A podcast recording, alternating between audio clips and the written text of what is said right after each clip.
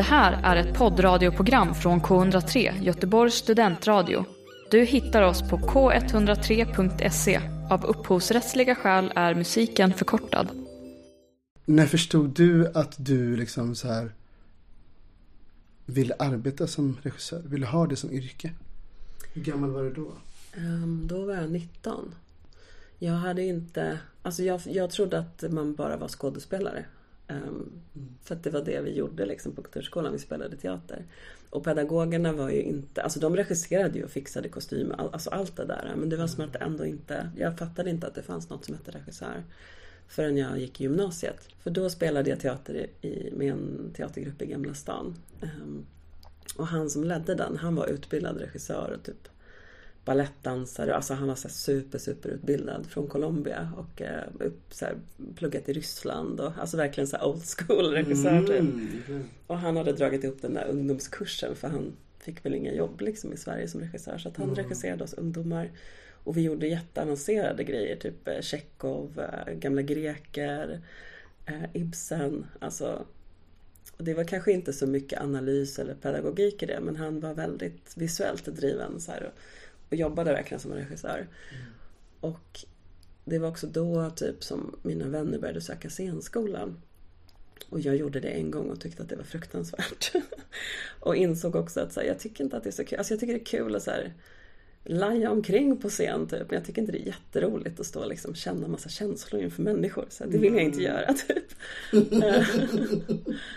Um, så tänkte jag, alltså det var som att jag bara drog mig så ut mer och mer. Jag bara, men jag kan ta den där lilla rollen eller jag kan sufflera eller så här, bara jag kan mm. få sitta utanför och titta på när han jobbar och så här, hur han sätter ihop en pjäs. Um, och sen så har jag alltid skrivit väldigt mycket, så här, dikter och texter och sådär. Så att i gymnasiet så skrev jag en pjäs. Uh, och så drog jag ihop lite kompisar och folk som jag hade träffat på olika ställen. Och så regisserade jag, lånade lokal och typ min brorsa rev biljetter, så han var 14. Eh, jag bad en kompis som var graffitimålare göra, vad heter det, scenografin typ. Eh, och sen så testade jag att regissera och bara det här är det roligaste jag gjort i mitt liv någonsin.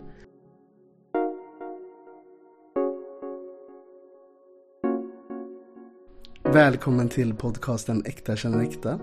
En podd om teater och film. Eh, mitt namn är Marcus Standoft och i dagens avsnitt så har vi Farnas som gäst. Välkommen! Tack så mycket! Hur mår du? Um, ja, men jag mår bra. Jag sa till dig innan att jag är lite trött. Mm. Uh, jag träffade en gammal vän igår um, på middag så det blev lite sent. Um, men det är bra. Vad, vad bjöds det på, på menyn liksom på middagen mm. igår? Det var, jag kom lite sent för att jag hade varit i Uppsala och sett en föreställning så jag missade förrätten. Men så att jag fick räkpasta och sen så var det eh, ganska olika sorters vin. Um, och sen så var det en hemlagad pesto. Oh. Ja, det var jättegott. Mm. Med pistagenötter och valnötter i. Um, och sen så var det en liten espresso och lite kaffe. Och mm. liksom eh, glass till efterrätt. Så det var jättegott. Det är inte dumt det. Alltså. Nej, det var jättehärligt. Men det var också lite speciell kväll. Det var en, en gammal vän som har haft uh, en stroke, alltså ganska allvarligt. Ehm, för typ tre år sedan. Så det var liksom första gången som vi kunde umgås länge. Annars har jag träffat honom bara en timme i taget typ för han blev så trött. Okay, ja, ja, ja, Men igår satt vi liksom verkligen och pratade och drack vin och grät och liksom ja, det var jätte, jättefint alltså. Mm. Så speciell grej verkligen. Han är ju på så här super rehab varje dag nästan. Så jag tränar typ flera timmar om dagen för att kunna mm. lära sig att prata ordentligt och gå ordentligt. Så det var också emotionellt. Ja, jag förstår det. Mm. Men vad fint att ni fick eh, en hel kväll då igår liksom. Ja. ja, det var jättefint. Det var jättefint. Verkligen välbehövligt alltså. Mm. Mm. Vad har du gjort annars i helgen? Annars i helgen? Just det, det har varit långhelg nu, så Kristi himmelfärd. Uh, vad har jag gjort? Jag har, uh, jag har hängt med mina barn mest. Mm. Jag har varit ute i parken och lekt och cyklat och hängt på gården. Och grillat korv och så mm. njutit av vädret typ. Gick runt i Gamla stan en dag med eh, barnen som var lediga. Jag tycker om att vara turist i Stockholm. Jag bor ju här, eller jag är uppvuxen här liksom. Men det är fint att bara gå runt och så upptäcka nya grejer. Mm. Men kan du fortfarande göra det? Upptäcka nya saker i en stad som du har vuxit upp i?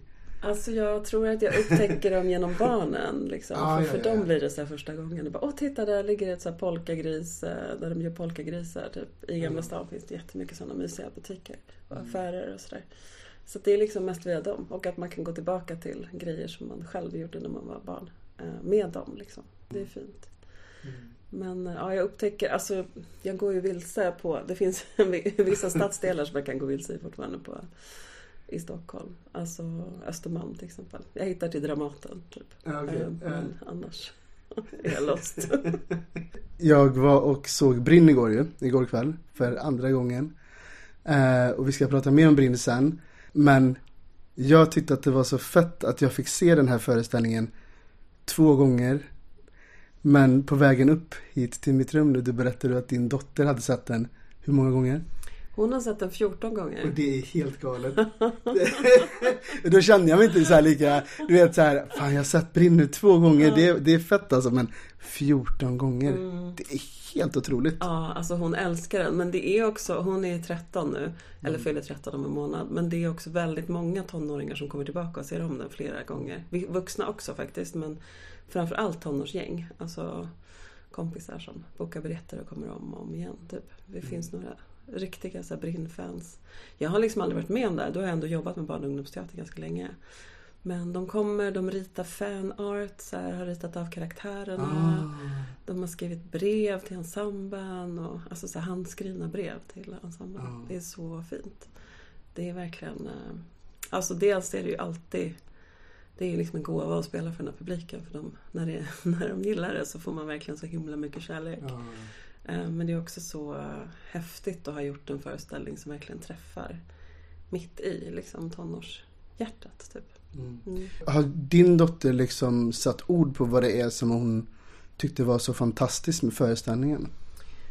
Ehm, Eller att hon kan relatera Ja. liksom, eller vad? Nej men jag tror alltså inte riktigt faktiskt. Det är en bra fråga. Jag ska faktiskt fråga henne och se om hon kan säga någonting om det. Men, ehm, eh, det är några som har formulerat det som att den, ehm, att den slår an en känsla i dem som de typ inte visste att de hade. Mm. Någon annan som har sagt att så här, ja, men det är en känsla som jag alltid har haft men som jag inte har levt ut. Liksom.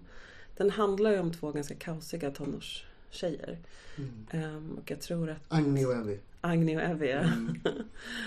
Men jag tror att många liksom känner igen den där energin. Även om man inte är liksom en utåtagerande Mm. eh, ungdom så, så kan man liksom känna igen den där kraften och energin och liksom lusten och viljan att göra någonting. Mm. Jag sa detta till, till, till Shada igår också efteråt att så här, vissa repliker som, som de sa på scen Alltså fy fan vad jag kunde känna igen mig. Jag som jobbar som lärare. det. Du vet, alltså så här, vissa repliker som de här ton... Alltså så här, jag har tioåringar så jag har inte tonåringar på det sättet. Men vissa repliker var verkligen så här bara Det här hör jag varje dag. Mm. Det här hör jag varje dag i skolan liksom. Mm. Så här, Varför säger du till mig? Var, och inte dem liksom, du vet så här och det, äh, det var Jag bara slogs av det igår när jag satt där bara, alltså fy fan vad, vad, vad ni har träffat rätt. Ja liksom. men det är många vuxna som jobbar med ungdomar som också säger det. Ja. Alltså att de känner igen det och att det är, så, det är precis det här det är. Och Ja. den här osäkerheten, man vet inte om de driver eller... Nej men alltså så. precis, Ja. precis. Ehm, mm. Ja, nej, som sagt, vi kommer in mer på Brinn sen. Okej. Den, var, den var fantastisk. Tio snabba ska vi köra nu. Okej. Det här är K103. Fullständigt namn. Farnas Arbabi Olin faktiskt. Jag är gift. Mm. Vad, vad vet du om dina namn? Farnas betyder, eh, det är två eh, så här, sammansättningar. Far betyder majestätisk och nas betyder gullig. Så det är en Ah. jättekonstig kombination. Liksom majestätisk gullighet. Men ändå gullig liksom. Ändå gullig. Eh, Och Arbabi betyder godsägare, typ. Arbab. Um, Mm. är en som äger land. Ja. Vilket också är kanske, jag vet inte riktigt var det kommer ifrån. Men min pappa, min farfar, alltså min pappa kommer från en bondesläkt. Det är därifrån efternamnet kommer. Så min farfar var bonde och jordbrukare. Eller min farfars far var min farfar typ. Ehm, gjorde sig av med, eller han blev av med allting för han var eh, inte så... Han hade vissa problem med eh, olika saker. Så, och sen var min pappa var den första som pluggade på universitet överhuvudtaget i släkten. Vad pluggar han till? Ja, men han läste typ lantmäteri och um, ingenjörskonst för liksom Okej. um, ja, lantmäteri tror jag. Typ arkitekt fast liksom landskapsarkitekt typ. Mm. Um, och jobbade som det i Iran innan de kom hit till Sverige. Här fick han ju inte jobb Mm. inom det så då skolade han om sig till modersmålslärare. Mm. Så han har också jobbat mycket med ungdomar. Okej. Ålder? 45. Hur känns det för dig att vara 45? Ehm, jag tycker det är, en, eh, det är en härlig siffra. Alltså, Den är jämn och fin på något sätt. Jag har alltid liksom känt mig äldre än vad jag är. Jag började med teater så himla tidigt så jag fick alltid höra att jag var så, här, så himla ung hela tiden. Mm. Och kände mig aldrig som den unga liksom, i rummet. Eh, Så jag tyckte det var ganska skönt att bli... Jag hade en 30-årskris men sen tyckte jag det var ganska skönt att bli 35, 40, 45. Jag har inte jättemycket åldersnoja faktiskt. Nej, vad skönt. Ja. Men vad var det som hände när du fyllde 30 liksom? Eller vad? Ja, men det var många olika saker. Jag hade precis haft, eh, jag gjorde två, mina två liksom första så här, succéföreställningar som fick väldigt mycket uppmärksamhet. Invasion på Stockholms stadsteater. Mm. Som var Jonas Hassen Kemiris eh, debutpjäs också. Och sen Utvandrarna på Riksteatern. Som jag gjorde i en, eh, eh, vad ska man säga, Sverigekritisk tolkning typ. Där utvandrarna var, jag drog liksom paralleller mellan de svenska utvandrarna som flydde från Sverige till USA och invandrare som flyr till Sverige idag. Och visade på likheterna där. Ehm, och den, fick, den blev liksom en supersuccé. Båda de blev det och spelade länge och gick väldigt bra. Så jag, jag gick från att vara liksom en person som hade eh, kämpat väldigt mycket för att liksom ta mig in på teatern och liksom Mm. hitta min plats där. Och, till att vara en person som alla ringde och bara Hej vill du komma och jobba på den här teatern? Hej vad vill du göra? Hej du får göra vad du vill. Typ. Så att jag Okej, fick liksom jäklar. en eh, superkris. Alltså identitetskris verkligen. Ehm, och hade liksom svårt med den här uppmärksamheten och den nya rollen tror jag. Liksom. Ja. Ehm, och det sammanföll med att jag, skulle, att jag fyllde 30. Just det, och jag satt i en scenskolejury för första gången i mitt liv. Och då var jag liksom ganska ung själv och hade ganska nyligen så här, ja men, gått ut, alltså själv hållit på att söka till regiutbildningen och inte kommit in och så här. Så det var ganska så tufft att sitta på andra sidan och liksom se alla de här hundratals människorna med drömmar och, Mm. och lust liksom. Och jag ville ju verkligen bara så här, vara så öppen och bara hej, så här, alltså förmedla någon slags typ ni är bra typ. Mm. Ehm, men Så, satt du i Stockholm? nej, jag satt uppe i Luleå. Och sen blir det alltid så här, det ska komma ner till man måste välja och liksom 100 personer blir 50 personer, blir 30 personer, blir 10 personer. Typ. Ehm, Men jag tänker också så här, om när du sitter i en scenskolejury och är i 30-årsåldern ish. Du måste väl haft alltså gamla kollegor, vänner och så vidare som sökte som också var i den åldern som sökte? Eller? Alltså inte jättemånga, för det var ett par stycken som jag liksom kände, kände igen tror jag. eh, Mm. Kände till. Men ehm, jag tror att de flesta som söker är ännu yngre faktiskt. Eller då var det i alla fall så. Okej, Mm. ja, ja, ja. Ehm, och sen är det ju inte så många, det är inte lika många som söker upp till Luleå heller. Alltså, Nej, de det är inte så många som tar sig upp dit precis. Den här då? Favoritklädesplagg? Eh, oj, vad svårt. Ja, men jag skulle nog svara en riktigt bra bh. Alltså Mm. med stabilitet. Ehm, och stadga typ. Mm. Mm. Vart får man tag i det då? Ja men det finns en del butiker faktiskt Mm. som har är det det. svårt liksom? Ja, det är, alltså, ja, det är inte H&M liksom. Man får Nej. så här, gå ut på stan och prova och sen när man väl har gjort det så kan man ju beställa hem. Men ehm, Mm. det, ja, det, det är annorlunda från hur eh, många andra har det som bara kan gå in i valfri butik typ, och plocka. Ja. Det är också mycket dyrare att köpa en rejäl bh. Ehm, mm. Var gick senaste resan? Senaste resan var, ska vi se, vad kan det ha varit? Ja, det var till Göteborg faktiskt. Mm. Ja. Vad gjorde du i Göteborg? Men jag såg teater. Vilken då? Jag såg, eh, dels såg jag Quasimodo på Folkteatern Ja. som min man har skrivit och regisserat. Och Ah, det visste jag inte. Jo, jag är gift med Jens Olin som är regissör och dramatiker och filmskådis. Vad kul att du inte visste Nej, det. det visste jag inte. Jag trodde alla visste det. Ah, nej. Ja. Alla utom jag i så fall. Ja. Jaha, okej. Ja, Mm. ja, ja. Jag såg också den. Ja. Eh, Men sen var jag på Backa på dagen och såg deras två eh, Lyckliga alla våra dagar och vad heter den andra? Vilda inuti. Vilda inuti. Ja, Mm. just det. Den gillade jag. Jag Mm. älskade den. Ja. Nawar som gick i min klass på Angereds teaterskola, han, han var ju med i den. Just det. Ja. Ja. Ja, den var, och jag måste bara säga det att när, så här, när jag såg Vilda inuti, eh, jag var så här superpeppad och för att Nawar var med liksom. Eh, så hade jag en, en barndomskompis från Ulricehamn hos mig den helgen och jag, och jag hade sagt det bara, jag ska på teater nu på dagen liksom. Följ med eller så gör du vad du vill. Och han har aldrig varit på teater typ. Förutom kanske i skolan när han var liten. Han bara, men jag följer med. Så, och jag bara, alltså, ja, är du säker? Det, det är en dansföreställning så det är så här. Han bara, nej men jag följer med. Och alltså, eh, den var jättefin men jag var så här, några gånger så, här, så sneglade jag på honom så här under föreställningens gång. Och hans ögon var så, han, han satt så här, man liksom såg hur hans hjärnkontor bara vet, så här, mm. överbelastades. Men, men han tyckte om det. Så att han, så här, han bara, jag kan lätt tänka mig att gå på teater igen. Det är lite Bra! Ja. Alltså, det där är så underbart. Ja. Första gångsbesökaren. Vilken film såg du senast? Vilken film såg jag senast? Nu ska jag tänka. Jag tittar mycket på serier alltså. Men mm. långfilm. Mm. Undrar om det var, det var nog 9 to 5 faktiskt. Mm. Eh, jag ska ju göra den på, som musikal i höst. Ja, jag vet, på Uppsala stadsteater. Ja, exakt, så att jag kollade, det var nog den jag kollade på. Alltså i research-syfte, jag har ju sett den mm. förut. Men uh, jag såg om den. Ja, jag ska erkänna att jag har inte sett den förut. Och innan du kom så hann jag se halva. Är det sant? Ja. Aha. Men så att så här, jag vet liksom så att de kommer kidnappa honom och liksom sådär. Mm. Men de hann, de hann aldrig komma till det mm. i den biten av filmen liksom. Alltså jag tycker den är så fantastisk också för att det är en amerikansk film från, vad är den, 79 eller 80. Mm. Som handlar om Alltså den är så antikapitalistisk. Den handlar liksom om, du kommer till det sen i filmen, men de genomför en massa reformer som gör att alla som jobbar där får det bättre. Mm. Att de, alltså, ja men basically så socialism och feminism typ. Jag kan verkligen inte tänka mig att Hollywood skulle släppa igenom en sån film idag. Liksom. Nej, jag är tveksam på det också um, ja.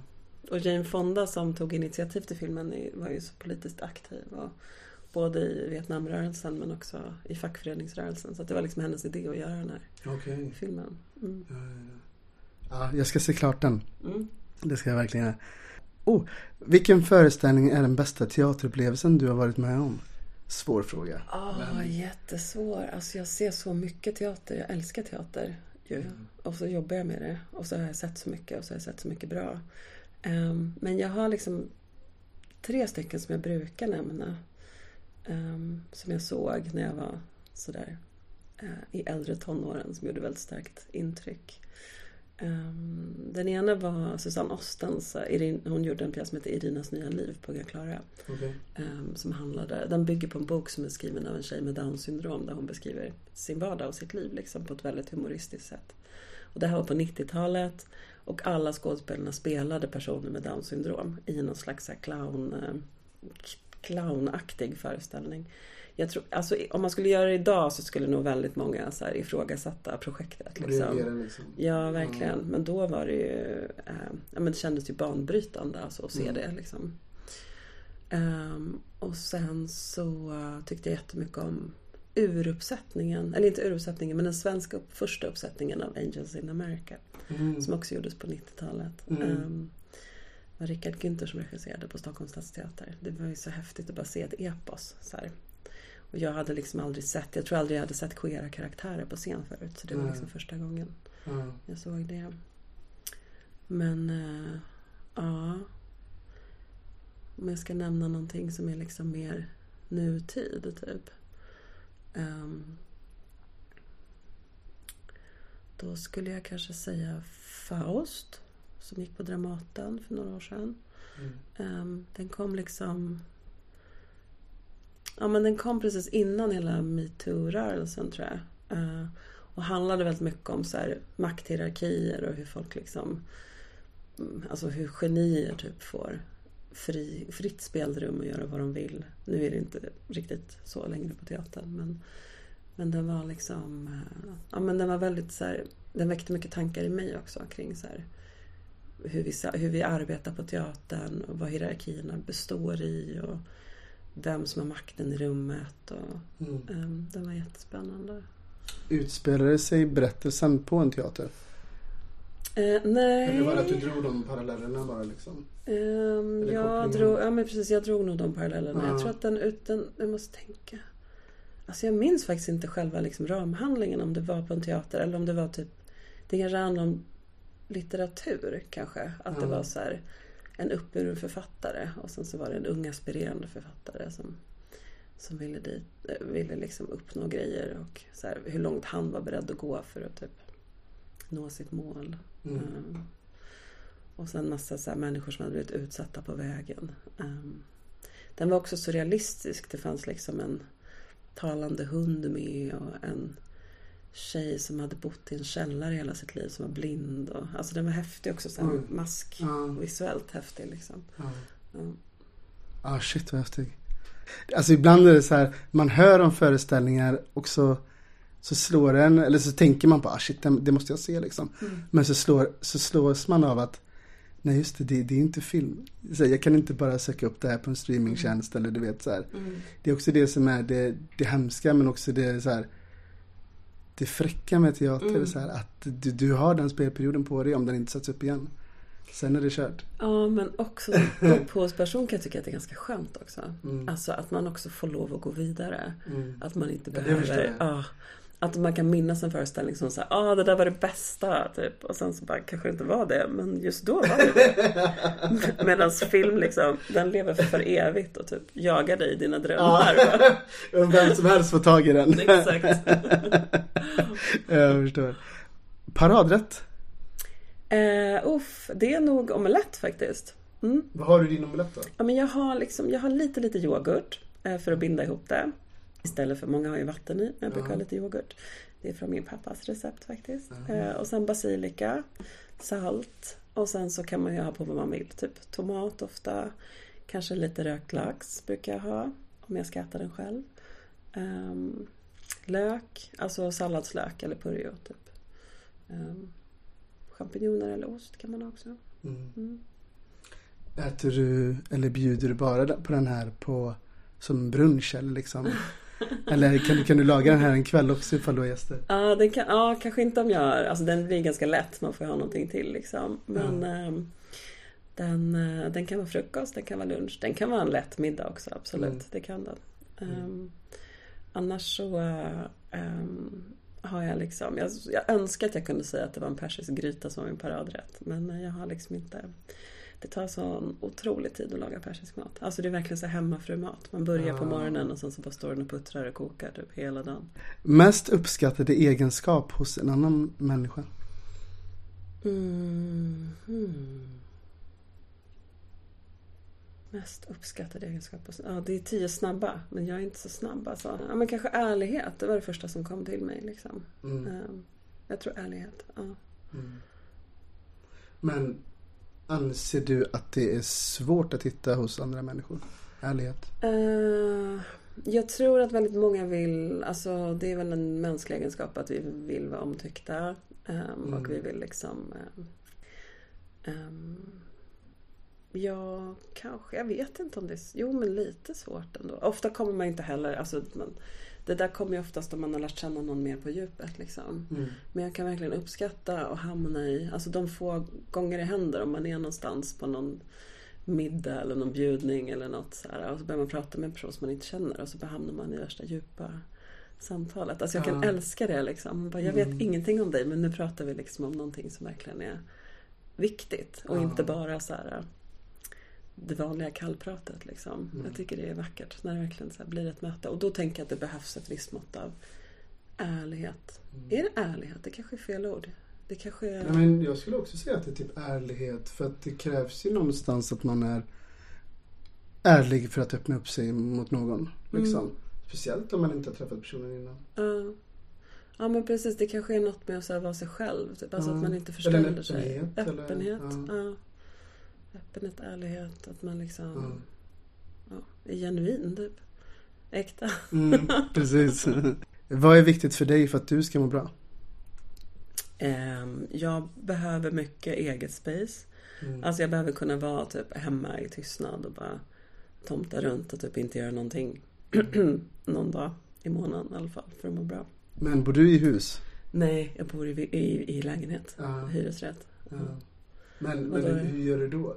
Nej, alltså det, det behöver inte vara knäppt. Alltså det är okej om jag hör grannarna runt omkring mig. Det är inte som att det måste vara liksom eh, knäpp, knäpp tyst. Men att jag bara slipper. Jag tror att det är snarare så att jag slipper umgås eller prata med någon. Att jag, att jag kan ha liksom en dag där jag bara är med mig själv. Typ. Mm. Och eh, stänga av liksom lite så intryck och, och eh, relationer. Att jag kan pausa det lite grann. Mm. Liksom. Mm.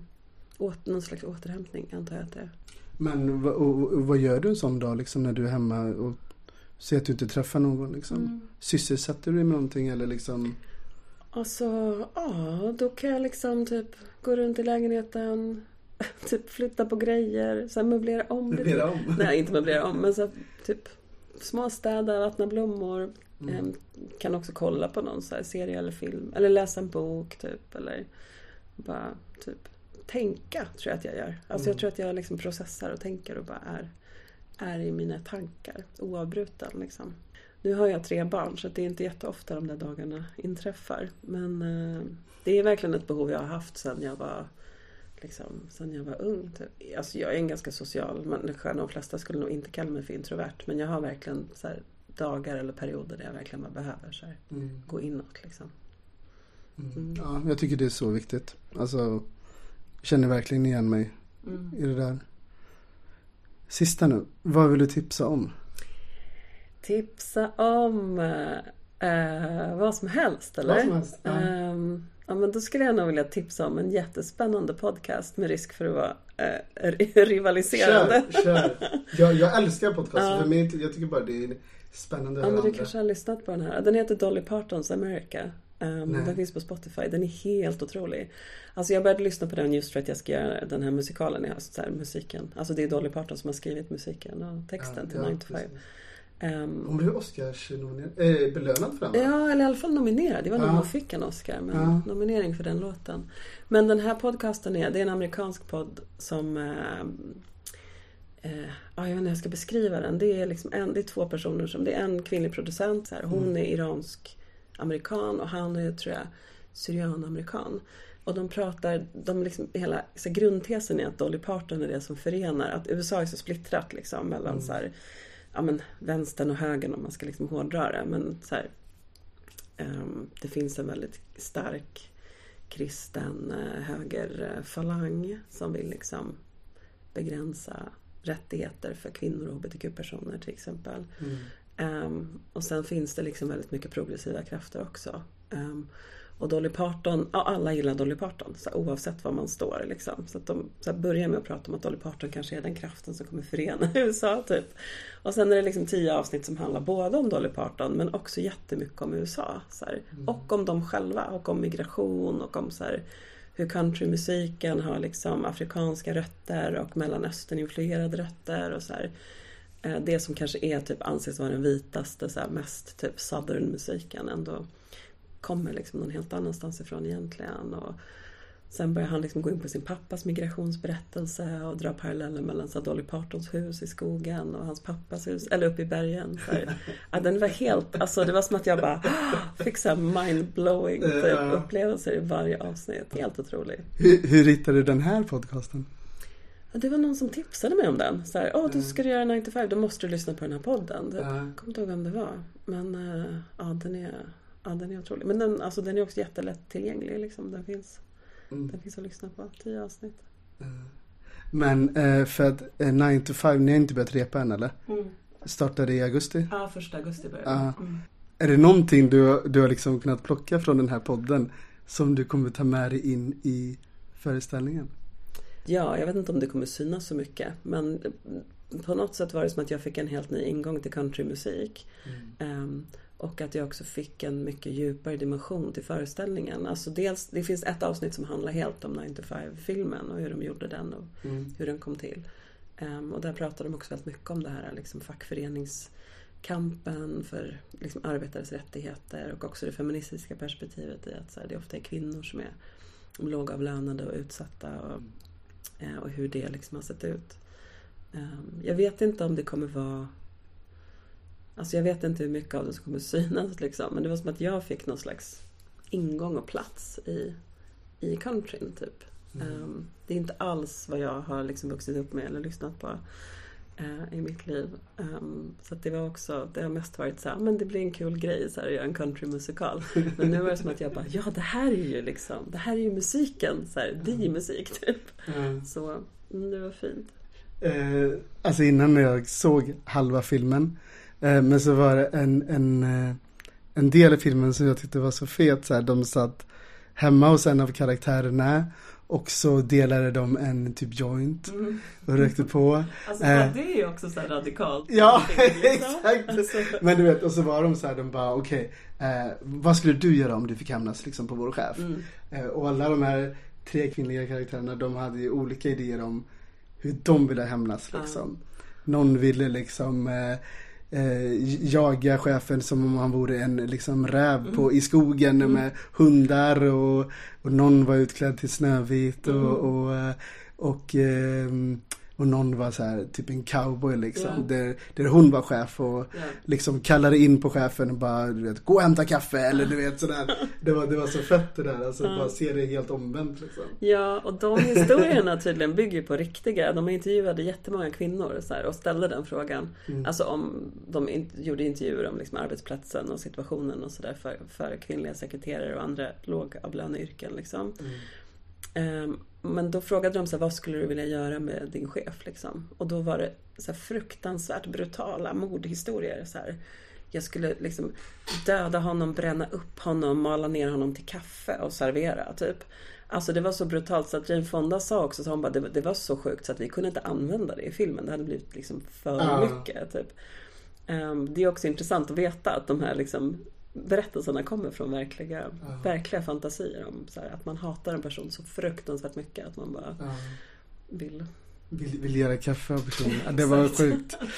Faktiskt. Hur kändes det för dig att göra de här tio snabba? Uh, svårt. Jag tror att jag är, jag är inte så snabb. Men det var ganska skönt att vi fick liksom, det var inte så här, alltså, eh, snabba svar utan Nej. vi fick så här, utveckla och prata lite mm. längre och sådär. Ehm, men eh, det är alltid... Ja, det är, det är spännande också. Alltså det är som att man lär känna sig själv också med de här frågorna. Bara, vad, mm. är, vad är min paradrätt? Jag har jag ens en paradrätt? Ja men det måste vara den omeletten då. Ja.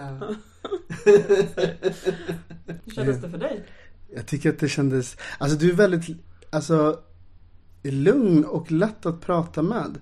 Så det är så här, alltså absolut det här är mitt jobb och liksom jag sköter i spakarna och, och sådär. Men, men det känns också väldigt mycket som bara ett samtal. Mm. Liksom, så här. Det, det känns väldigt avslappnat.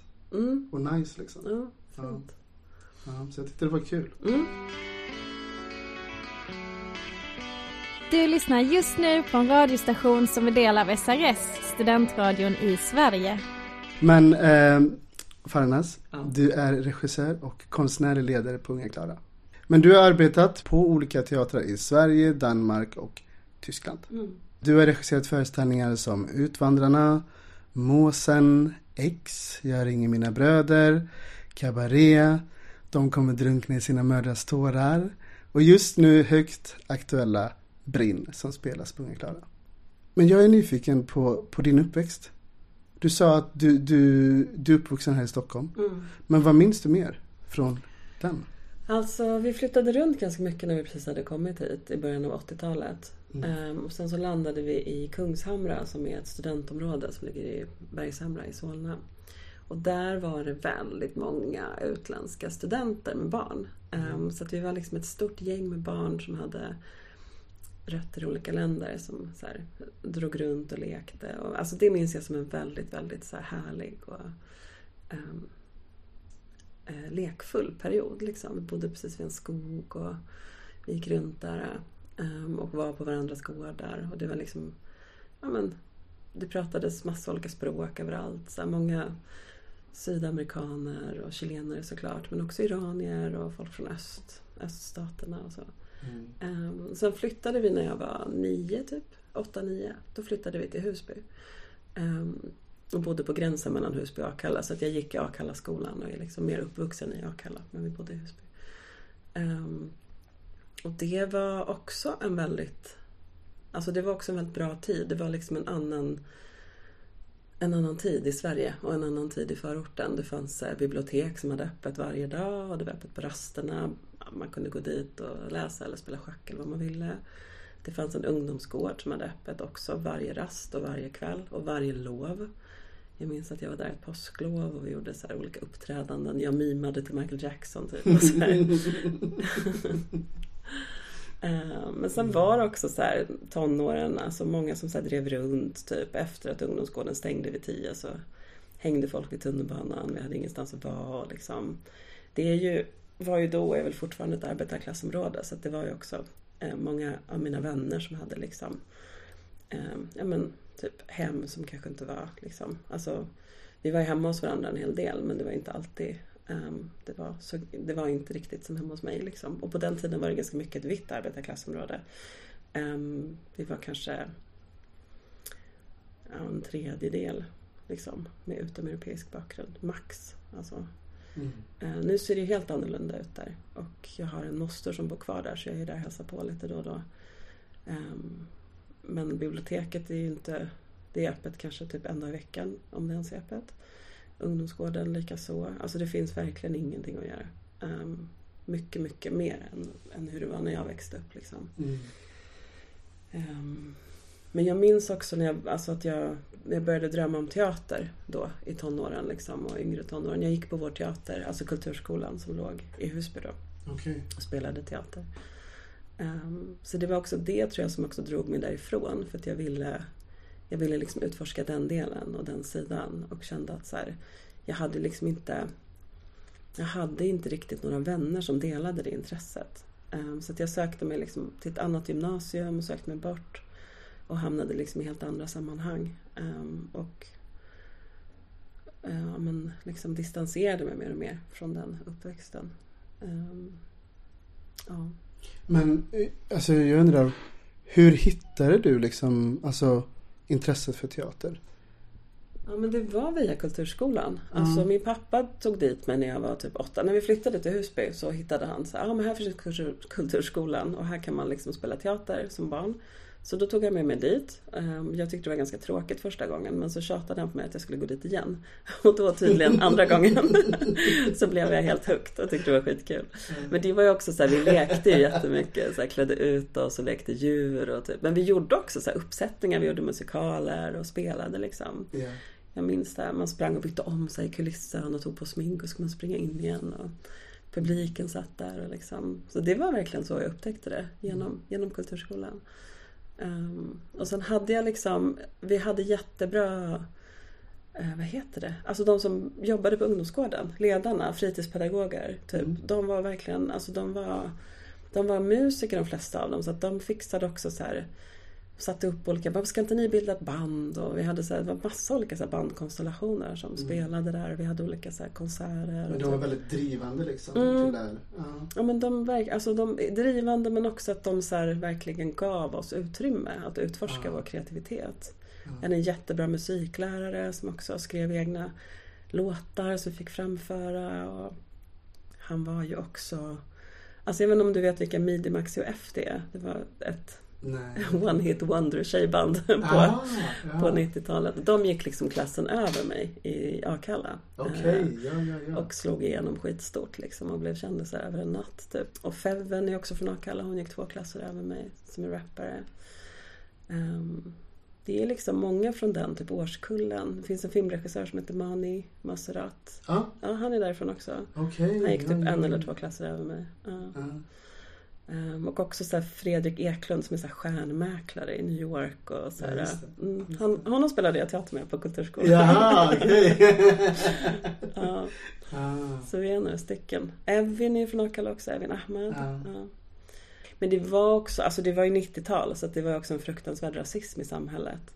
Lasermannen härjade, Ny Demokrati, det var skit, mycket skinnskallar i stan. Eh, och det fanns ju även i Akalla. Alltså inte skinnskallar på det sättet kanske men mycket så här främlingsfientliga åsikter och folk som så här pratade om typ att det är för mycket invandring. Alltså tonåringar som bara, du vet, lyssnar mm. på vad ens föräldrar säger hemma Just eller sådär.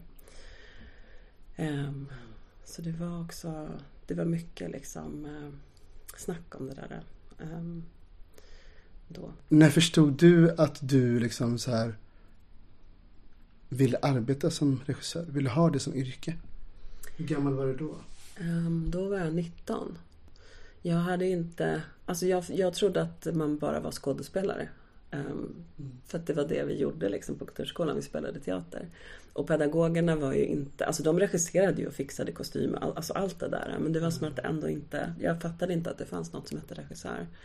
Förrän jag gick i gymnasiet. För då spelade jag teater i, med en teatergrupp i Gamla stan. Um, och han som ledde den, han var utbildad regissör och typ balettdansare. Alltså han var så super, super utbildad från Colombia och eh, upp, så här, pluggat i Ryssland. Och, alltså verkligen så old school regissör typ. Mm. Och han hade dragit upp den där ungdomskursen för han fick väl inga jobb liksom i Sverige som regissör. Så att han mm. regisserade oss ungdomar.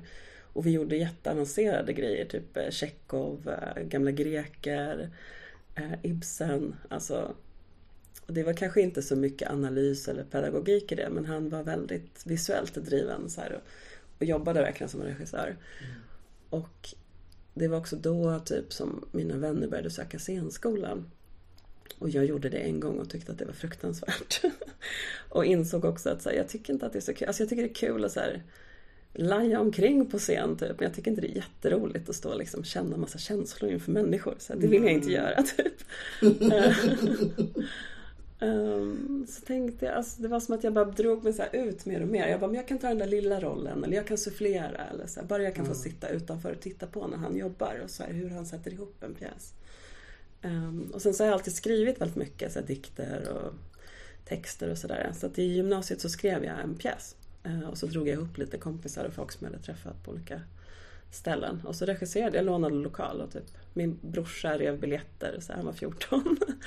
Eh, jag bad en kompis som var graffitimålare göra, vad heter det, scenografin typ. Mm. Och sen så testade jag att regissera och bara det här är det roligaste jag gjort i mitt liv någonsin. Hur visste du hur du skulle göra? Ja, men jag tror att jag hade, det hade jag väl sett honom liksom göra det. Så här, mm. jag, alltså, antar jag. Men också att jag hade skrivit texten så jag visste ju liksom vad jag ville hur jag ville att det skulle se ut. Ja, det är sant. Så, typ. Ja. Och sen hade jag ju sett jättemycket, alltså gymnasiet så såg jag också skitmycket teater när jag väl började liksom spela med den här gruppen i Gamla stan. Mm. Um, så att jag, jag, antar att jag bara så här, försökte liksom skapa de bilderna som jag hade i huvudet. Bara, gör så här, gör så här. Typ. Mm.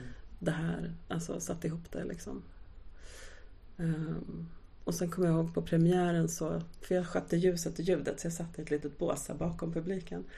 Um, och sen så i applådtacket så vände sig skådespelarna mot mig så och bara pekade. Typ. Uh, och så vände sig publiken om och tittade på mig. Jag blev så himla stressad så jag släckte den där lampan i det där båset. Typ. Jag bara ah! Jag får inte se mig.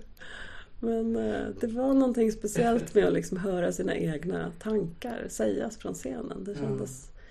Jag kände mig så otroligt blottad tror jag. Um, men ja, så då dröjde det ganska länge innan jag skrev pjäser igen. Typ. Ja. Har du någon gång funderat på att regissera film? Eller det kanske du har gjort? Um, nej, alltså jag har gjort en dokumentärfilm om Midi Maxi och FD och lite om min uppväxt i Akalla.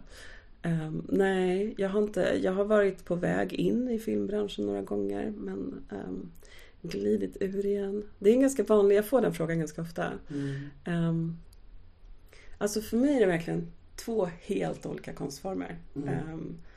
Och jag tror att liksom det jag älskar med teatern är liksom processen, det kollektiva, att vi är liksom ett stort gäng som bara jobbar hjärnet för att få, få färdigt den här visionen, liksom, den här idén. Mm. Och sen publiken, alltså den känslan i rummet innan publiken kommer in, när skådespelarna går runt och värmer upp. Och, mm. Jag älskar den, alltså. Det här pirret och liksom, man hör sorlet ute i foajén. Typ.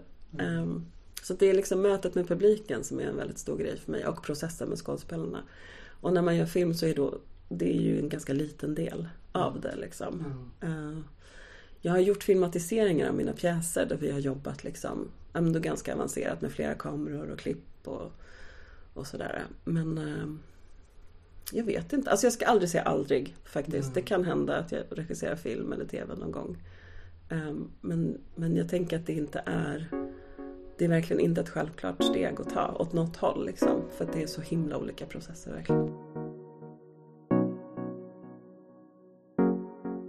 Du, jag tänkte på en sak nu som bara ploppar upp nu. När du sa mötet med publiken. Igår när jag var och såg Brinn. Då visste jag att det skulle ske. Så jag ställde mig vid sidan innan vi gick in. Men första gången, det var typ i november när jag var och såg Brinn. Då stod ju jag precis som alla andra bara mitt i gången och bara vet, väntade på att få gå in. Och till slut så öppnas dörrarna innan föreställningen börjar. Och alla skådespelare kommer ut i foajén. Mm. Går mitt bland publiken och ställer sig som på ett, på ett led och presenterar sig. Mm. Och säger hej och liksom tittar folk i ögonen och någon kanske känner någon som den ger en kram. Gud vad kul att du är här liksom ikväll. Och så vidare. Jag är bara nyfiken på, på den här. För det här har inte jag varit med om innan. Nej. Alltså vi... Nu har jag varit konstnärlig ledare på Unga Klara i... Nästa år blir det tio år. Um, och det här är någonting som jag har jobbat jättemycket med där som handlar om att sänka trösklarna till teatern. Vi spelar ju väldigt mycket för barn och unga. Ehm, och det finns liksom väldigt mycket oskrivna lagar och regler på teatern. Alltså jag kan verkligen förstå att man känner så här. Jag vill inte gå på teater för jag vet inte hur jag ska bete mig. Typ. Man tror att det är ett visst sätt att vara på. Ehm, och den publiken som kommer till oss, det är ju oftast, ja men som din kompis, det är första gången de går på teater. Första gången de får en upplevelse liksom. Och jag tycker bara det är så viktigt att man då känner att man får en relation till skådespelarna och att man också så får se att de är typ vanliga människor. Liksom. De har namn och de kan säga hej och man kan så vara nära dem. Liksom. Och jag tycker, of- alltså oftast tycker jag att det liksom blir en bättre föreställning av det också för att det är som att Ja, men ibland kan det ju komma liksom en klass där det kanske finns några stökiga personer i den klassen och att de då får en annan respekt för skådespelarna och det arbetet de gör på scen. Om de får en personlig relation till dem. Liksom. Bara det att de kommer ut och säger hej gör jättestor skillnad. Det blir så mänskligt och avdramatiserat. Exakt, avdramatiserat. Ja. Ja.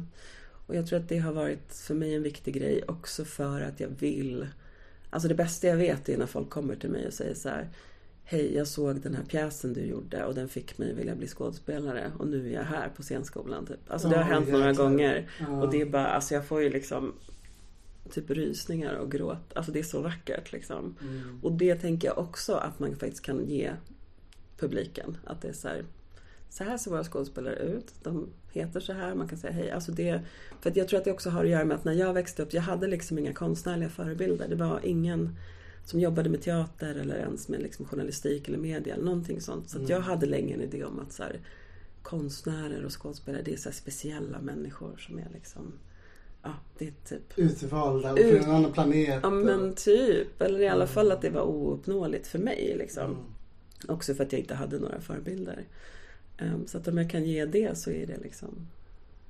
Det, ja, jag tänker att jag vill ändå försöka ge det. Sen är det ju, alltså de flesta som kommer till oss kommer ju inte vilja bli skådespelare. Men, men någon kanske Mm. blir sugen. Jag. Jag tycker att det är jävligt fint. Jag anade att det var något sånt här liksom. Men ja, det är jättefint nu när jag hör dig bekräfta det liksom.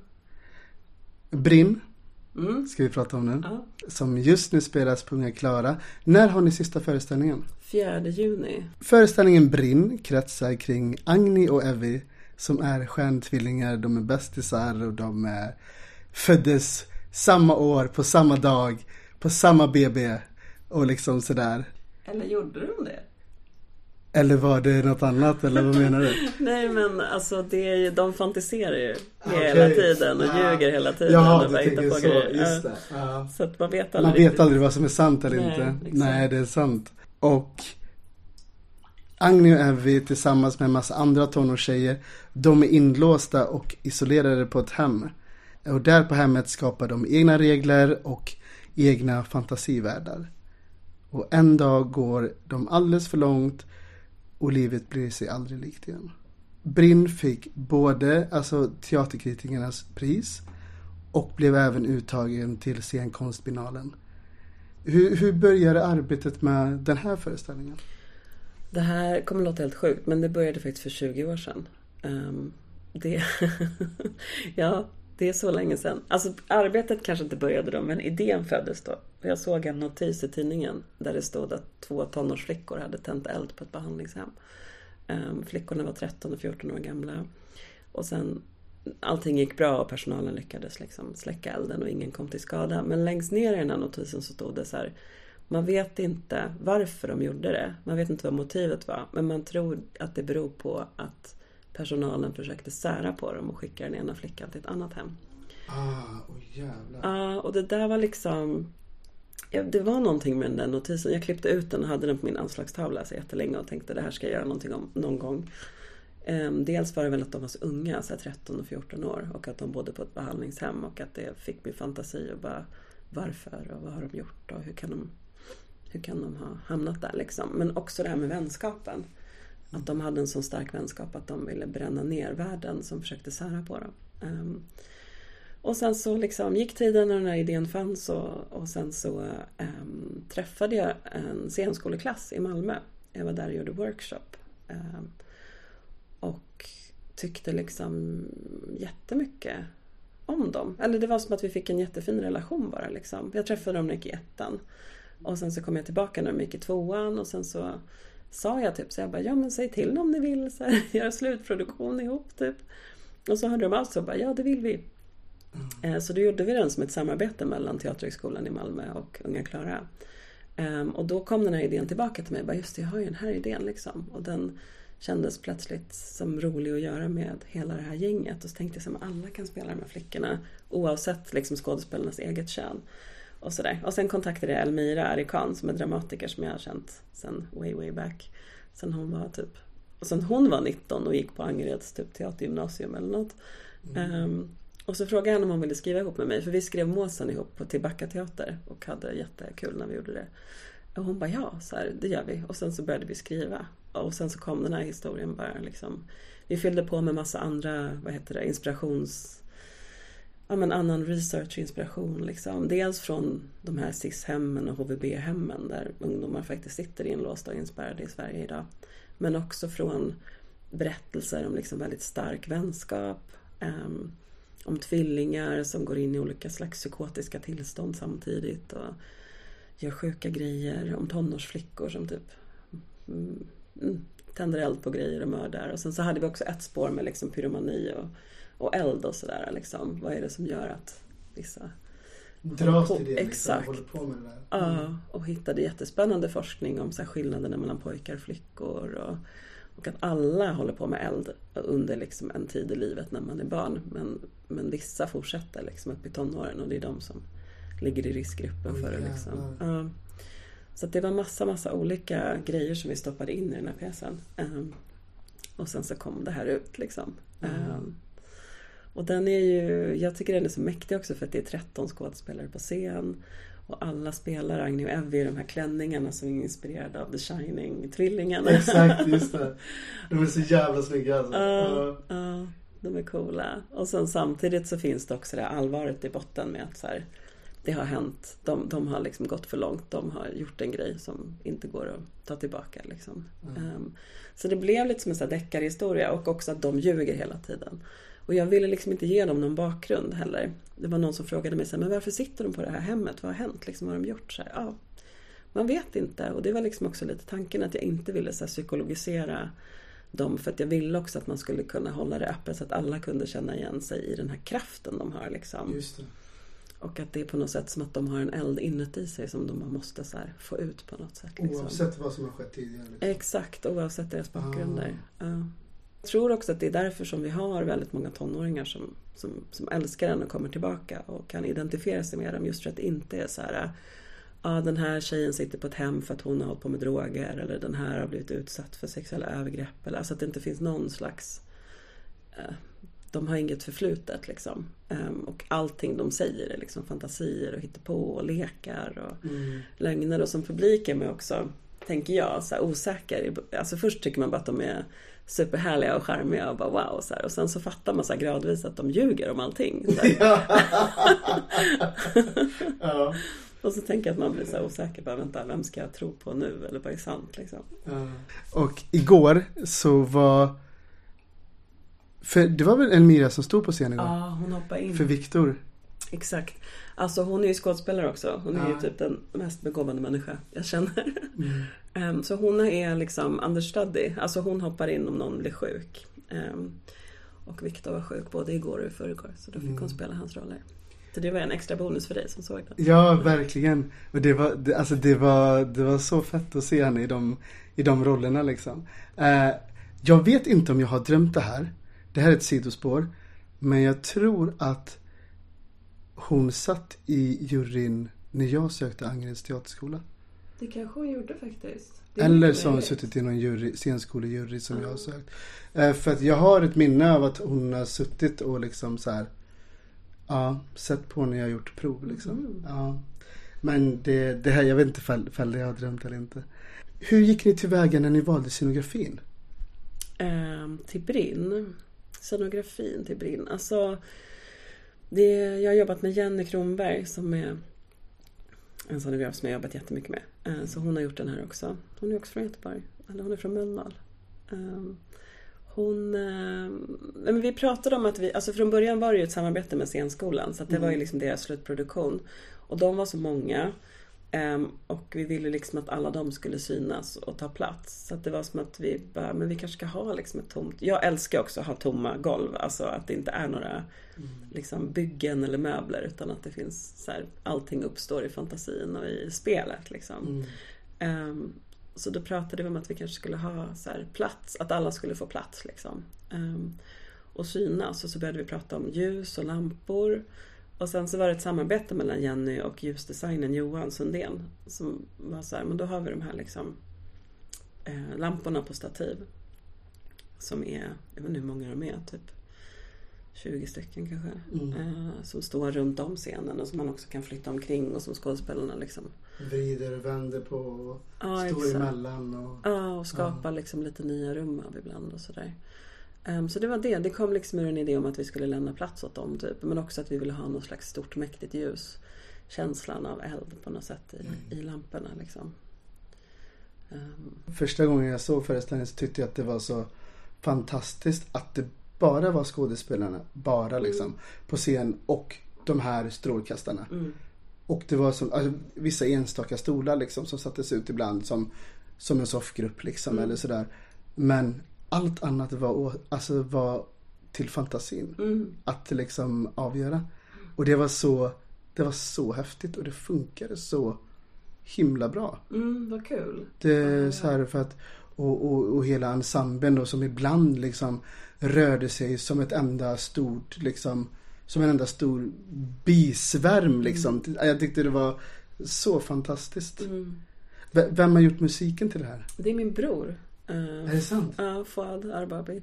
Han- Vi har också jobbat ganska mycket ihop faktiskt. Han är musiker och kompositör och har gjort både film och dans och teater. Ehm, så det är han som har arrat det och fixat körarrangemangen och gjort liksom backtracken och, Mm. och sådär. Ehm, Det är så himla fin musik. Mm. Den, den är så typ drömsk men ändå hoppfull liksom. ja, han är verkligen fantastisk. Alltså grejen är också att vi känner varandra så väl eftersom att vi är syskon. Så att det är också som att han fattar precis vad det är. Jag vill säga, men den här känslan, han bara, "Ja, jag fattar. Och sen så bara gör han liksom. Det är så himla lätt att jobba ihop. Är ni tvillingar? Nej.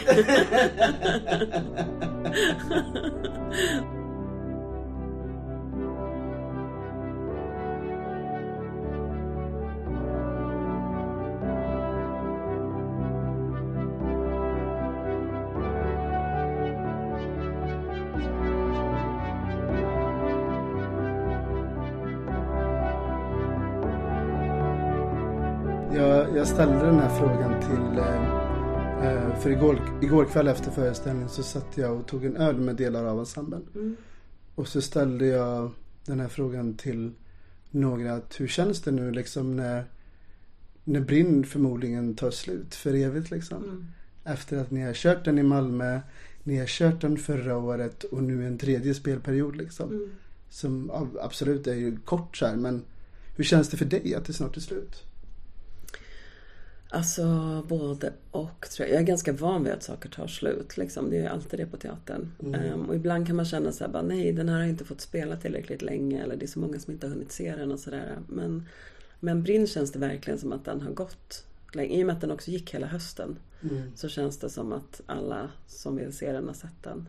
Eller det vet jag i och för sig inte om de har. Men, men den, den har nått ut väldigt mycket. Både till liksom offentlig publik, till skolpublik och till branschpublik. Det känns också fint att avsluta med Scenkonstbiennalen som ju är så här, en festival för teaterarbetare. Och, eh, eh, ja, nej men alltså den har spelat ganska mycket och Mm. länge. Den kommer leva vidare tror jag i alla, alla som har jobbat med den. Den har varit liksom jag vet inte, ibland blir det bara så här man, man hittar något slags kreativt flow tillsammans och jag tror att vi alla har känt det.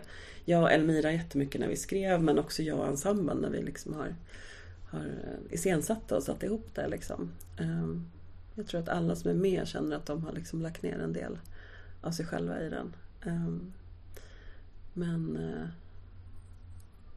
men det kommer nog, alltså min dotter kommer nog sakna den som har sett den 14 gånger. Men sen har vi också gjort, vi gjorde en filmatisering av den så att den finns liksom förevigad också. Vill bara avsluta med att säga att jag är så glad att jag hann se den två gånger. För att den eh, Den är verkligen speciell. På alla fina sätt som går. Verkligen. Det var en jättefin föreställning. Tack. Mm. Men upptäckte du nya saker när du såg den andra gången? Ja, det gjorde jag. Men jag vet att jag kunde lägga märke till vissa övergångar som jag tyckte var väldigt snygga från olika scener. Eh, jag kunde märka liksom, eh, ah, vad fan vad snyggt, nu är de två liksom eh, Agni och Evie och saker som jag liksom inte kanske kopplade eh, första gången. Och framför allt slutet. Mm. Så här, för att, för att det kommer inte jag ihåg att eh, eh, ah shit, jag ska inte spoila för mycket nu. jag kommer inte ihåg i alla fall ödet som, som, som drabbade en av det. flickorna. Just, just det. Och hur ni lekte med det så här i slutet, de, de sista scenerna. Att, alltså, är det telepati? Mm, Eller är det i hennes huvud? Ja. Alltså så här, Ja, men Ja. det där är intressant. Det, var, det är några av våra, liksom, mm, alltså vår unga publik som har varit och tittat som har sagt så här, men jag tolkar det som att typ den ena flickan aldrig har funnits utan det har bara varit inne i hennes huvud. Typ. Alltså, jaha, oh, ja. jävlar. Ja, då fick jag lite så här rysningar. Ja. ja, så kan det vara. 9 to 5. Ja, ska vi prata om den nu? Ja, nu ska vi prata om den. Det är en musikal som du ska regissera på Uppsala stadsteater i höst. Japp. Premiär 30 september, har jag rätt? Ja, Ja. var rätt. 9 to 5 är ju baserad på långfilmen i samma titel i regi av Colin Higgins, ser man så. Mm. Vad kan du berätta om det här projektet? Oj, alltså nu, det är verkligen i så här förberedelse och planeringsstadium så att jag, kommer, jag kan babbla om det här hur mycket som helst. För att jag är inne i den där bara, ah, samla in material och tänka och sådär. Så du får stoppa mig. Absolut. Men eh, vi pratade lite om den tidigare men det är ju en feministisk och eh, alltså på många sätt socialistisk film eller berättelse som handlar om framförallt tre kvinnor på ett kontor som blir utsatta för ja, men sexism och sexuella trakasserier och de har en chef som är ett riktigt svin. Ehm, och ehm, samtidigt är det en komedi liksom. Ehm, men så handlar det liksom om hur de organiserar sig. De går ut en kväll och typ eh, dricker vin och framförallt röker på. Och sen så börjar de fantisera om hur de ska döda den här chefen. Och sen dagen efter så råkar den ena typ ha råttgift i hans kaffe. Så de tror att de har dödat honom. Eh, Men det är massa olika så här förvecklingar. Men det, det, de gör är att de kidnappar honom. Eh, och hissar upp honom i taket typ. Eh, Och sen så tar de över kontoret. De låtsas liksom, de skriver så här memos typ eh, i hans namn. Och så inför de massa reformer som gör att alla får det jättemycket bättre. Och sen så eh, lyckas han fly och komma tillbaka och så blir det så här dramatiskt. Och sen så i slutet så kommer typ högsta hönset, chefen, så här styrelseordföranden och bara Åh, vad har hänt här på kontoret? Det har gått så bra för er och ni har ökat så här, produktiviteten med 30 procent typ. Och så visar det sig att alla de här reformerna som de har gjort för att ge liksom, arbetarna bättre villkor har gjort att så här, det också går bättre för företaget. Ja, så att det eh, blir liksom ett lyckligt slut. Alltså det är verkligen en feel komedi på väldigt många sätt. Och sen så finns det liksom en politisk botten i den. Eh, som handlar ja, dels om hela metoo-rörelsen och så här, ehm, ett, ur ett feministiskt perspektiv. Liksom. Men sen också det här med eh, fackföreningsrörelsen och arbetarrätt. Och, eh, alltså, vad, vad är det att arbeta? Är man ägd liksom? Vad har man rätt till och inte? Och, sådär. Ehm, och sen är det musikal, så det är massa härlig musik. Och liveband på scen och typ 15 skådespelare som ska dansa och sjunga och prata. Um, är det första gången du regisserar musikal? Nej, jag gjorde Cabaret på Dramaten för ett par år sedan. Ja, och, ja, och sen så har jag också gjort, eh, jag gjorde Jason eh, Timbuktus föreställning. Det var ingen musikal men det var ändå musikteater. En droppe midnatt som, som eh, vi gjorde ihop med ba- bandet Dam. Och sen innan dess har jag gjort en annan musikal också som heter Hedvig and the Angry Inch. Som är en amerikansk indie-musikal typ. Eh, men den, det här är nog den mest musikaliga av alla musikaler som jag har gjort. Liksom. Eh, och sen så har jag tagit in liksom några countrymusiker som ska göra musiken så att det kommer bli liksom en countrymusikal med olika typer av dans som hör till. Typ line-dans och sånt. Mm.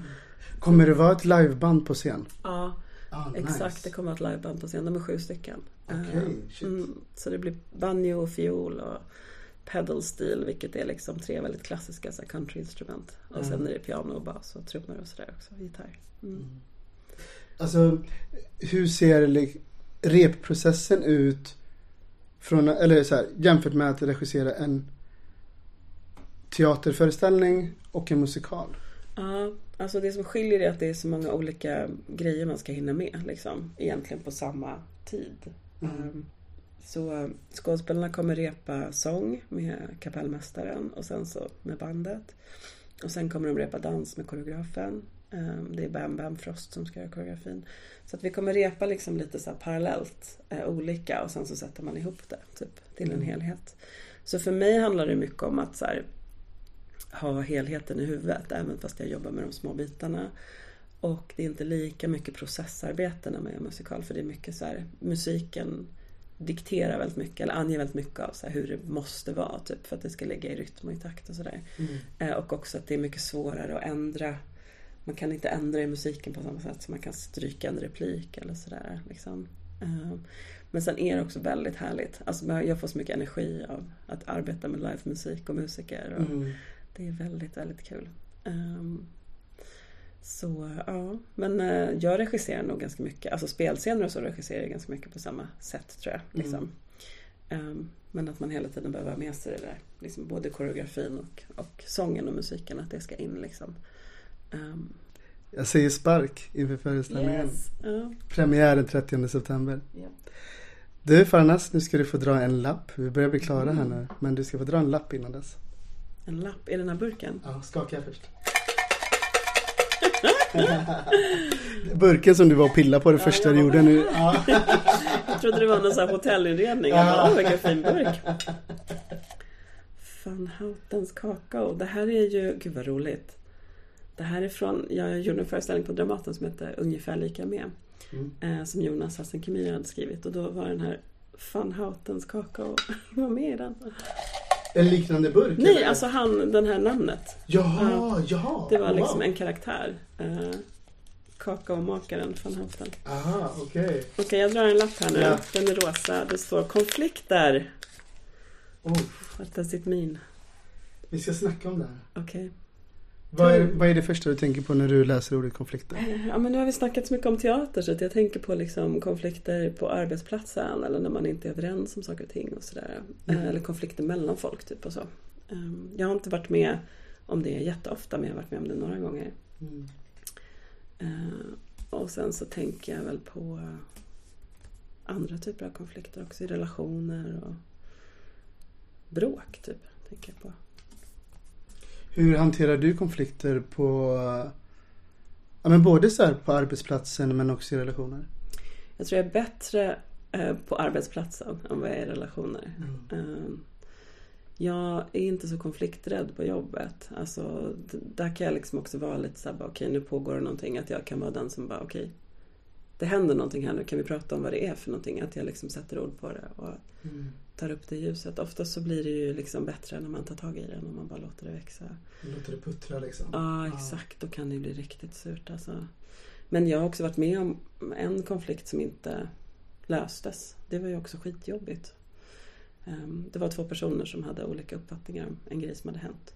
Ehm, Och som gjorde att de inte kunde arbeta ihop. Liksom. Och de spelade tillsammans på golvet och hade spelscener tillsammans. Och Okej. liksom ville inte göra det. Eller vill, alltså, vi fick lösa det på ett sätt så att de kunde göra det i alla fall. Men det var jättesvårt. Vi satt i timmar och pratade och pratade och kom liksom inte Oj, fram till... Ja, det var sjukt. Men privat är jag nog lite mer ängslig tror jag. Ehm, Jag är liksom uppvuxen i ett hem där, där det har funnits liksom en osäkerhet. Ehm, Min mamma var ganska så här lynnig och kunde liksom byta humör ganska snabbt. Så att jag tror att jag, så här, ju närmare personen står mig privat desto mer nervös blir jag om den blir arg tror jag. Mm. Så det är verkligen något jag jobbar med. Ehm, att inte bli rädd liksom. Så. Mm. Ja, det är tufft. Det där sätter spår alltså. Ja, det gör det. Mm. Det, ja, jag vet bara i, liksom idag i vuxen ålder, jag avskyr konflikter. Ja. Det är det värsta jag vet. Ja. Det, Men hur reagerar du om någon blir arg på dig? Alltså, men jag är nog ganska bra på att tänka innan Mm. jag pratar. Så att det är så här, då kan jag nog lyssna liksom och ta emot. Och, och sen när den har skrikit klart liksom. Mm. eh, då kan jag komma med mitt. mm. Ja. Mm. Mm. Vilket också så här, det, det är också en del av min vardag liksom som lärare. Just det, såklart. Det, föräldrar som inte Ja, begriper sig på jobbet och så arga samtal och Just möten det. och, och sådär. Mm. Ja, du måste ju ha sjukt mycket konflikter också mellan barnen och sådär i skolan. Ja, verkligen. Eh, och Alltså, ja, intressant nu när vi snackar om det. Jag har alltid sett mig som en konflikträdd person men, men jag vet ju att jag får lösa jättemycket konflikter med föräldrar och Mm. elever varje dag. Mm. Nu, i Men det kanske är samma för dig, att det är lättare när det är på jobbet. Alltså att det Jag inte, tror det. Ja. Man är inte inne med sin privata person liksom, Ja. på samma sätt ju. Ja. Tycker du att det behövs konflikter? Gud, vilken svår fråga. Alltså konflikter uppstår väl... Eh, nej, alltså egentligen så behövs väl inte konflikter. Men menar, man kan ju vara, man behöver inte vara överens. Men man Mm. behöver inte gå in i konflikt liksom. Nej. Men eh, vad är en konflikt? Alltså uppstår den... Den uppstår inte bara av att folk tycker eller vill olika saker. Utan det, måste ju, det är någon upptrappning i det tänker jag. Mm. Att, det, att man inte tar in den andres perspektiv. Eller att man inte lyssnar på varandra. Och då blir det en konflikt kanske. Eller? Mm. Mm, ja, det ligger något i det. Att man inte är öppen liksom och sen så når det till en viss gräns och sen så är det boom liksom. Ja, exakt. För jag menar, jag, alltså, man kan ju vara i grupper där folk tycker olika saker och det går ändå bra att lösa. Liksom. Ja. Och vissa vill ju verkligen att alla ska vara överens hela tiden. Så här, jag var nog mer så förut. Nu tror jag att jag släppte mer så här, bara, Okej, vi tycker olika men nu, det är jag som bestämmer så nu blir det så här. Liksom. Mm. Det kanske också beror på att det är jag som får bestämma. Som så att jag är fine med det. Ja, exakt. Nej, Ja. jag skojar. Nej, men, eh, men det, är- jag tycker det är lugnt om man inte är överens. Men, men man behöver inte bråka för det liksom. Men, eh. Förutom 9 to 5, vad har du att se fram emot under perioden ett år framöver? ett år framöver. Ja, men, eh, Från och med idag. Alltså jag vet inte riktigt vad jag gör efter 9 to 5. Jag, ska, jag är ju på Unga Klara så det är ju där jag är anställd. Så jag tar ju tjänstledigt för att vara på Uppsala och göra 9 to 5. Um, så sen kommer jag tillbaka till Unga Klara och jobbar där. Um, då kommer jag ha lite så workshops och kurser. Och sen så kommer jag troligen göra en produktion med scenskolan igen. Fast scenskolan i Malmö Mm. nästa vår. Nej, förlåt. Inte i Malmö, i Stockholm. Uh, Ja, ja. Teaterhögskolan alltså i Stockholm. Ja. Så det ska bli kul. Men eh, nej, alltså just nu ser jag mest fram emot sommarlov. Mm. Det är så otroligt skönt väder nu. Alltså det är så, jag vill bara vara, typ, hänga i solen och läsa en bok och typ käka glass och chilla. Mm. Men jag ser också väldigt mycket fram emot scenkonstbiennalen. Det är så många bra föreställningar och Mm. spännande seminarier. Kommer du vara någonting på den? eller? Jag har aldrig varit på den. Har du inte? Aldrig hela mitt liv. Mm. Jag har bara hört om folk som liksom pratat om den så himla mycket och Mm. den har dykt upp i så här olika sammanhang men jag har jättedålig koll på den. Vad- hur, hur lång, är den en helg? Den en Nej, vecka? alltså det är typ fem dagar. Tisdag till söndag tror jag. Okej. Ehm, och sen är det, det är ju som en festival liksom. Ja. Och det är olika städer varje år, eller varannat år är det. Och sen så är det en jury som har valt ut typ de 20 bästa föreställningarna inom dans, teater, musikteater, opera. Ehm, och sen är det massa seminarier och typ workshops och sen masterclasses och sånt. Um, skitkul om man jobbar med teater. Och i år är det i Stockholm, vilket är väldigt härligt för det är också öppet för offentligheten.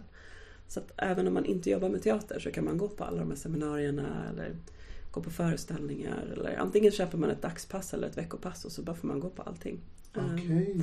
och det kommer vara mycket på Dramaten men det är också lite på Stadsteatern och utspritt i stan. Ah. men det är kul för att när det har varit i mindre städer så har det verkligen varit så här, bara plötsligt invaderar typ Teater-Sverige hela Borås är så här fullt. Och man bara hej hej tja! så det är kul. Jag vet inte om hur det kommer kännas i Stockholm. Det kommer säkert vara så här lämmeltåg av teaterarbetare som går Ja, upp just och ner för Hamngatan till Dramaten. Typ. Mm. Ja. Det kommer bli fest. Festival. Ja, gud vad härligt alltså. Ja. Men alltså, nu har vi inte så mycket tid men jag har ju lyssnat på några avsnitt av den här podden Mm. innan. Och är ju så otroligt nyfiken på dig och din uppväxt och så här, Mm. hur du började med teater. Och, ehm, det kanske inte finns plats i det här avsnittet men kan du inte göra ett avsnitt om dig själv? Vet du vad? Vad? Jag har ju faktiskt spelat in en, en, eh, en, en radioteater. Har du? Ja. Som finns, alltså som jag släppt med Äkta känner äkta. Jaha. Så där finns både, det, det är en hel odyssé om, om, om bara mitt liv. Är det sant? Ja. Det ska jag gå in och lyssna på. Var, alltså, lyssna hittar på. man den? På Spotify också eller? Ja, Vad den heter Späckhuggaren. Okej, perfekt. Ja. Den får du... Den ska jag lyssna på. Ja. Kul. Och med de orden så säger jag att du har lyssnat på ett avsnitt av Äkta känner äkta med mig, Mark Standoft och Farnas Arbabi. tusen tack för din tid. Tack själv. Alltså jag är så glad att du ville komma hit idag. Jag också. Jag har varit så taggad på det här avsnittet. Ja, vad kul. Jag är också jätteglad. Jag tycker att vi hade ett sånt otroligt avslappnat och fint Mm. samtal. Jag känner verkligen, apropå egenskaper som man gillar hos andra, att jag har känt att jag har varit ärlig. Alltså Mm. att jag har verkligen pratat från hjärtat om mig själv.